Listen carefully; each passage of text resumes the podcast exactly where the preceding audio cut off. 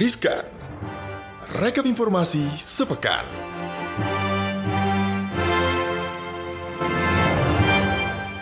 Jalan-jalan ke Tanjung Harapan. Ah, cakep. Di sana beli kuali. Mhm. Hai hai sobat cuan, kita berjumpa lagi. Asik. Mantap ya, pantun saya ya sobat cuan ya. Ada Alin. Ada Gibran. yang akan memberikan sobat cuan informasi, berita ekonomi, bisnis dan juga apa pun gitu ya yang terkait dengan cuan. Betul, karena yang selama sepekan ini tentunya ada berbagai informasi yang menjadi ya yang paling banyak dibaca oleh sobat cuan tentunya di cnbcindonesia.com. Yang pertama itu ini breaking news, breaking news. Karena vaksin Pfizer ini efektif 90% melawan Pfizer atau Pfizer baca? Pfizer, Pfizer, Ya Pfizer. itulah P Pfizer tulisannya Iya. sobat cuan ya.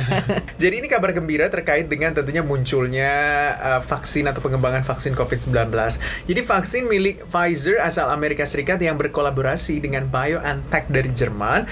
Ini kabar terakhirnya katanya ini bisa menangkal virus COVID-19 sampai lebih dari 90% tanpa ada efek samping. wow, ini salah satu terobosan luar biasa ya kak ya. Betul sekali. Jadi dengan demikian data yang dipublikasikan oleh kedua raksasa farmasi ini bisa dikatakan sudah terkait dengan uji klinis tahap terakhir seperti yang dilansir dari CNBC Indonesia eh, CNBC Internasional gitu. Jadi efektivitas vaksinnya itu 90%. Jadi ini kabar baik dan sangat-sangat baik.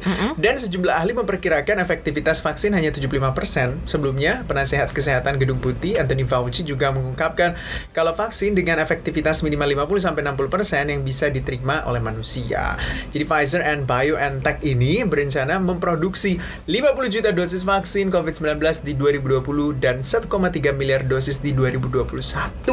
Gitu. Hmm, gitu dan kabarnya kan dalam beberapa minggu ke depan gitu ya ini akan sudah didistribusikan sih malah gitu. Mhm. Uh-uh. Jadi salah satu terobosan juga sih vaksin Pfizer yang sudah terbukti efektif 90% ampuh gitu ya melawan corona ini gitu Betul. Kak. Karena selama ini tuh belum ada yang sampai 90% bahkan Brazil ya Mhm. Sinovac itu Kak ba- baru-baru ini dihentikan dulu Kak uji klinisnya. Jadi kalau di- bisa dikatakan dari pergerakan vaksin ini atau pengembangan vaksin ini, ini tuh membuat ada kepastian gitu. Ada Jadi orang-orang udah mulai memburu aset-aset berisiko gitu. Betul Jadi Kak, udah makanya mulai berani gitu ya. berani masuk lagi. Jadi meninggalkan emas sekarang. emas aset jadinya drop. Benar. Ah, itu bahasan lain lagi. Itu Kita sekelumit lain. aja kasih Itu- ya. iya.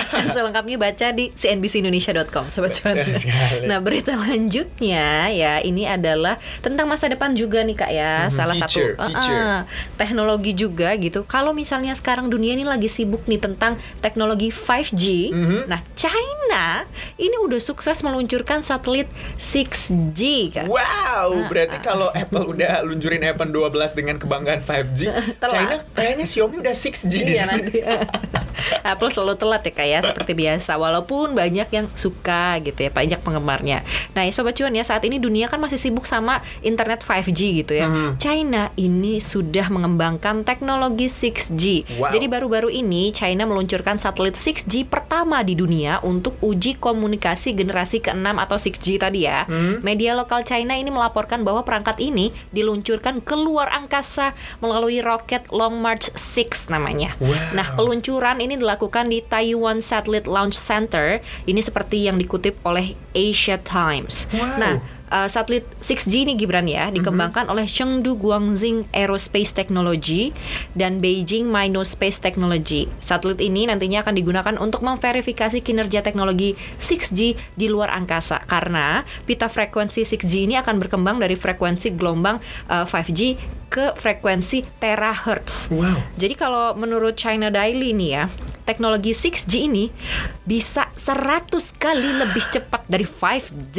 5G aja katanya luar biasa cepet ya. 5G aja gue gak, nggak pernah coba, baru 4G Belum LTE kak, sabar. Kayak gitu Sobat Cuan Namun teknologi ini masih dalam tahap awal ya Si 6G ini dan harus menyelesaikan beberapa kendala teknis Dalam penelitian dasar Desain hardware-nya gimana Dampak lingkungannya gimana gitu ya Mhm. Sebelum akhirnya teknologi 6G ini dikomersilkan Oke. Itu China ya sudah move on dengan teknologi 6G gitu Tapi Benar. teknologi 5G kan ini juga masih dipertanyakan ya di Bener, Indonesia di Indonesia Kapan belum datangnya Kapan gitu. datangnya? Gue sih berharapnya kalau misalnya ada 5G, harga kuota jangan mahal-mahal. Nah itu kak kayak Kayaknya itu sulit. Mm-mm. Uh, jadi saya sempat ngobrol nih kak Uh-uh. dengan salah satu petinggi Kominfo gitu ya bahwa dan juga salah satu petinggi perusahaan teknologi informasi lah ya kelas dunia gitu ya kak ya Mhm. dibilang bahwa teknologi 5G ini kayaknya kalau untuk retail atau untuk di handphone kita kita nih kak ya kayaknya terlalu tidak cost efektif Oke. alias memang nggak bisa murah Uh-huh. gitu ya karena banyak hal yang harus disiapkan infrastrukturnya segala macam dan itu sangat menyita kantong gitu ya jadi kalau misalnya buat di handphone itu nggak mungkin tapi buat di industri kak. Oke, kalau mau berarti cuan. kalau buat penggunaan pribadi itu lebih eh, mahal Lebih gitu ya. mahal. Jadi kalau yang udah beli iPhone 12 karena bilang itu 5G dipikir lagi kuota bisa beli kagak tuh? Betul gitu karena katanya 4G aja tuh sebenarnya udah cukup gitu kalau untuk aktivitas kita sehari-hari. Gitu. Lu Bener. mau secepat apa sih gitu download gitu? Iya, apalagi cuma nonton TikTok, Uh-uh. main Instagram, upload foto, Atau nonton gitu kan. Netflix, Kak. Iya, aduh, udahlah 4G LTE udah lumayan bagus juga. Uh, uh, Pak. itu berita baik ya kayak ini ada lagi berita baik kayaknya. Kak. Jadi ini adalah soal Maybank gitu kan. Jadi menurut Hotman Paris, Maybank itu men- siap mengganti uang Winda. Winda ini adalah nasabah Maybank yang mengaku mengatakan bahwa uangnya raib gitu kan. 22 miliar, itu Kak. duit semua ya.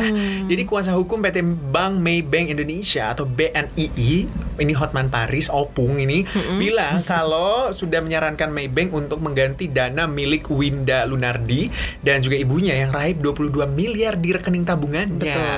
Jadi ini dikatakan Hotman di salah satu talk show TV itu yang disiarkan semalam gitu kan. Menurut Hotman ini memastikan kalau penggantian uang untuk Winda gitu ya tetap akan dilakukan meski saat ini proses hukum sedang berjalan dengan Betul. itikat baik tentunya. Jadi Pak Hotman bilang kalau di tengah pro dan juga kontra Maybank dipastikan akan membayar kerugian yang dialami oleh Winda. Bukan hanya itu saja tapi dia juga menyebutkan kalau Maybank adalah bank besar yang hingga 2019 itu mengelola simpanan nasabah atau DPK mungkin ya ini se- 110,6 triliun dan juga memiliki aset 169,1 triliun rupiah. Jadi kayak ya bisa kok diganti gitu. Tapi eh, gue sih lihatnya setelah mengganti kayaknya akan ada tindak lanjut Mm-mm, dari kasus ini. lagi Benar. kali ya proses hukumnya tetap berjalan gitu. Kenapa sampai uang itu bisa hilang? Bagaimana prosesnya gitu? Apakah ada pembiaran gitu atau ada ACC sebenarnya dari pemilik rekening gitu? Karena berita Maybank ini memang sempat menghebohkan kak. Masyarakat memang kaget juga ya, takut juga kayak lah kok bisa gitu? Tabungan hilang begitu saja. Apalagi jumlahnya bukan 1-2 m tapi 22 m. Pingsan kalau gua hilang duit segitu. Dia kan yang 22 M cuy 2 juta aja hilang dari rekening gue Gondok kayak ya. bingung kayak Makan apa besok ya kita Itu belanja apa gue gitu gitu sobat cuan ya. Dan ini kayaknya banyak eh, berita-berita yang cukup menyenangkan juga. Salah satunya Mhm. ini adalah berita 10 saham 10 saham pilihan Morgan Stanley. Wih. Jadi bank investasi yang bermarkas di New York, Amerika Serikat ya sobat cuan ya Morgan Stanley ini menilai kalau pasar saham di Indonesia ini layak untuk kembali dilirik oleh investor global gitu ya. Aha. Setelah sepanjang tahun ini terjadi jual bersih atau net sell dalam jumlah besar akibat pandemi COVID-19. Karena kita lihat ya fluktuatif banget gitu Aha. apa namanya pasar saham Indonesia belakangan ini gitu. Nggak disangka-sangka turun, nggak disangka-sangka ARB gitu-gitu kan Kak. Terus udah gitu, dalam risetnya nih yang berjudul Reform Part 2, Deregulation and Investment, Morgan Stanley menyebut bahwa aksi jual besar-besaran ini gitu ya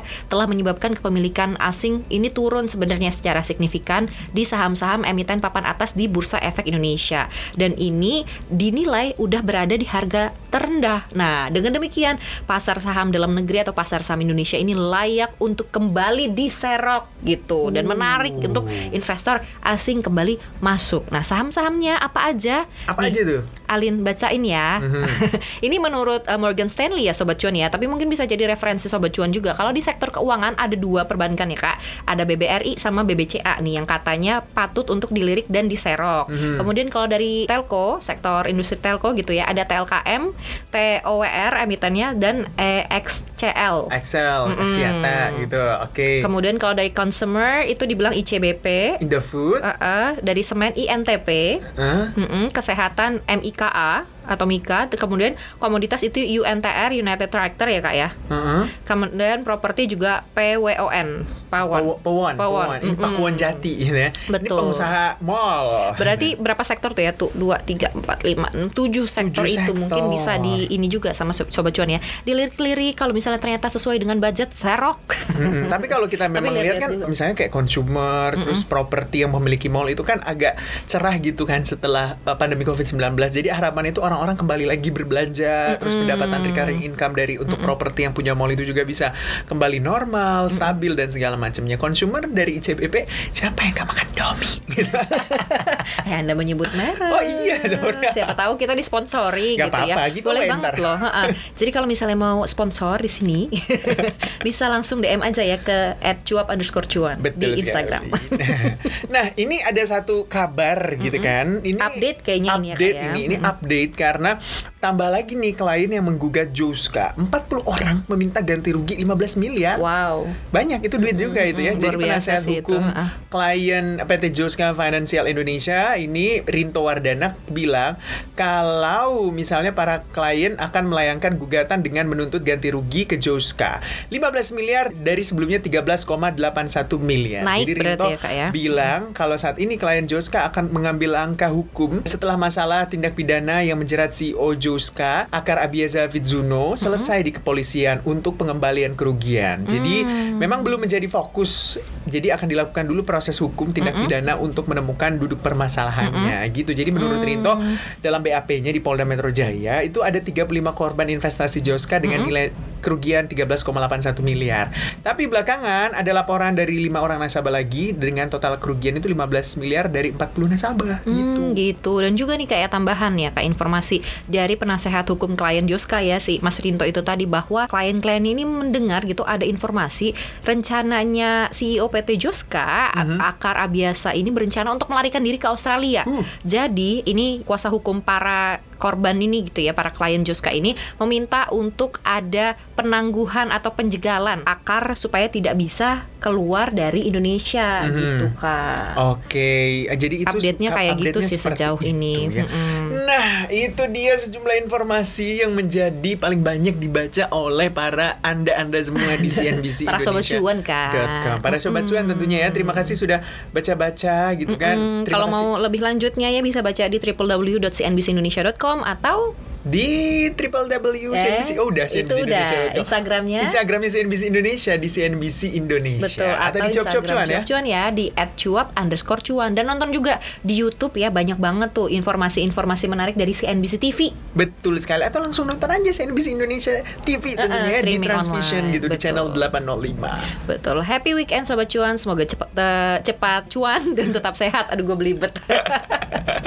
Semoga cuan selalu, sehat selalu, jaga kesehatan. Jangan lupa kesehatan nomor satu, investasi paling penting adalah kesehatan. Betul. Kita pamit ya, Gibran. Alin, Bye. dah.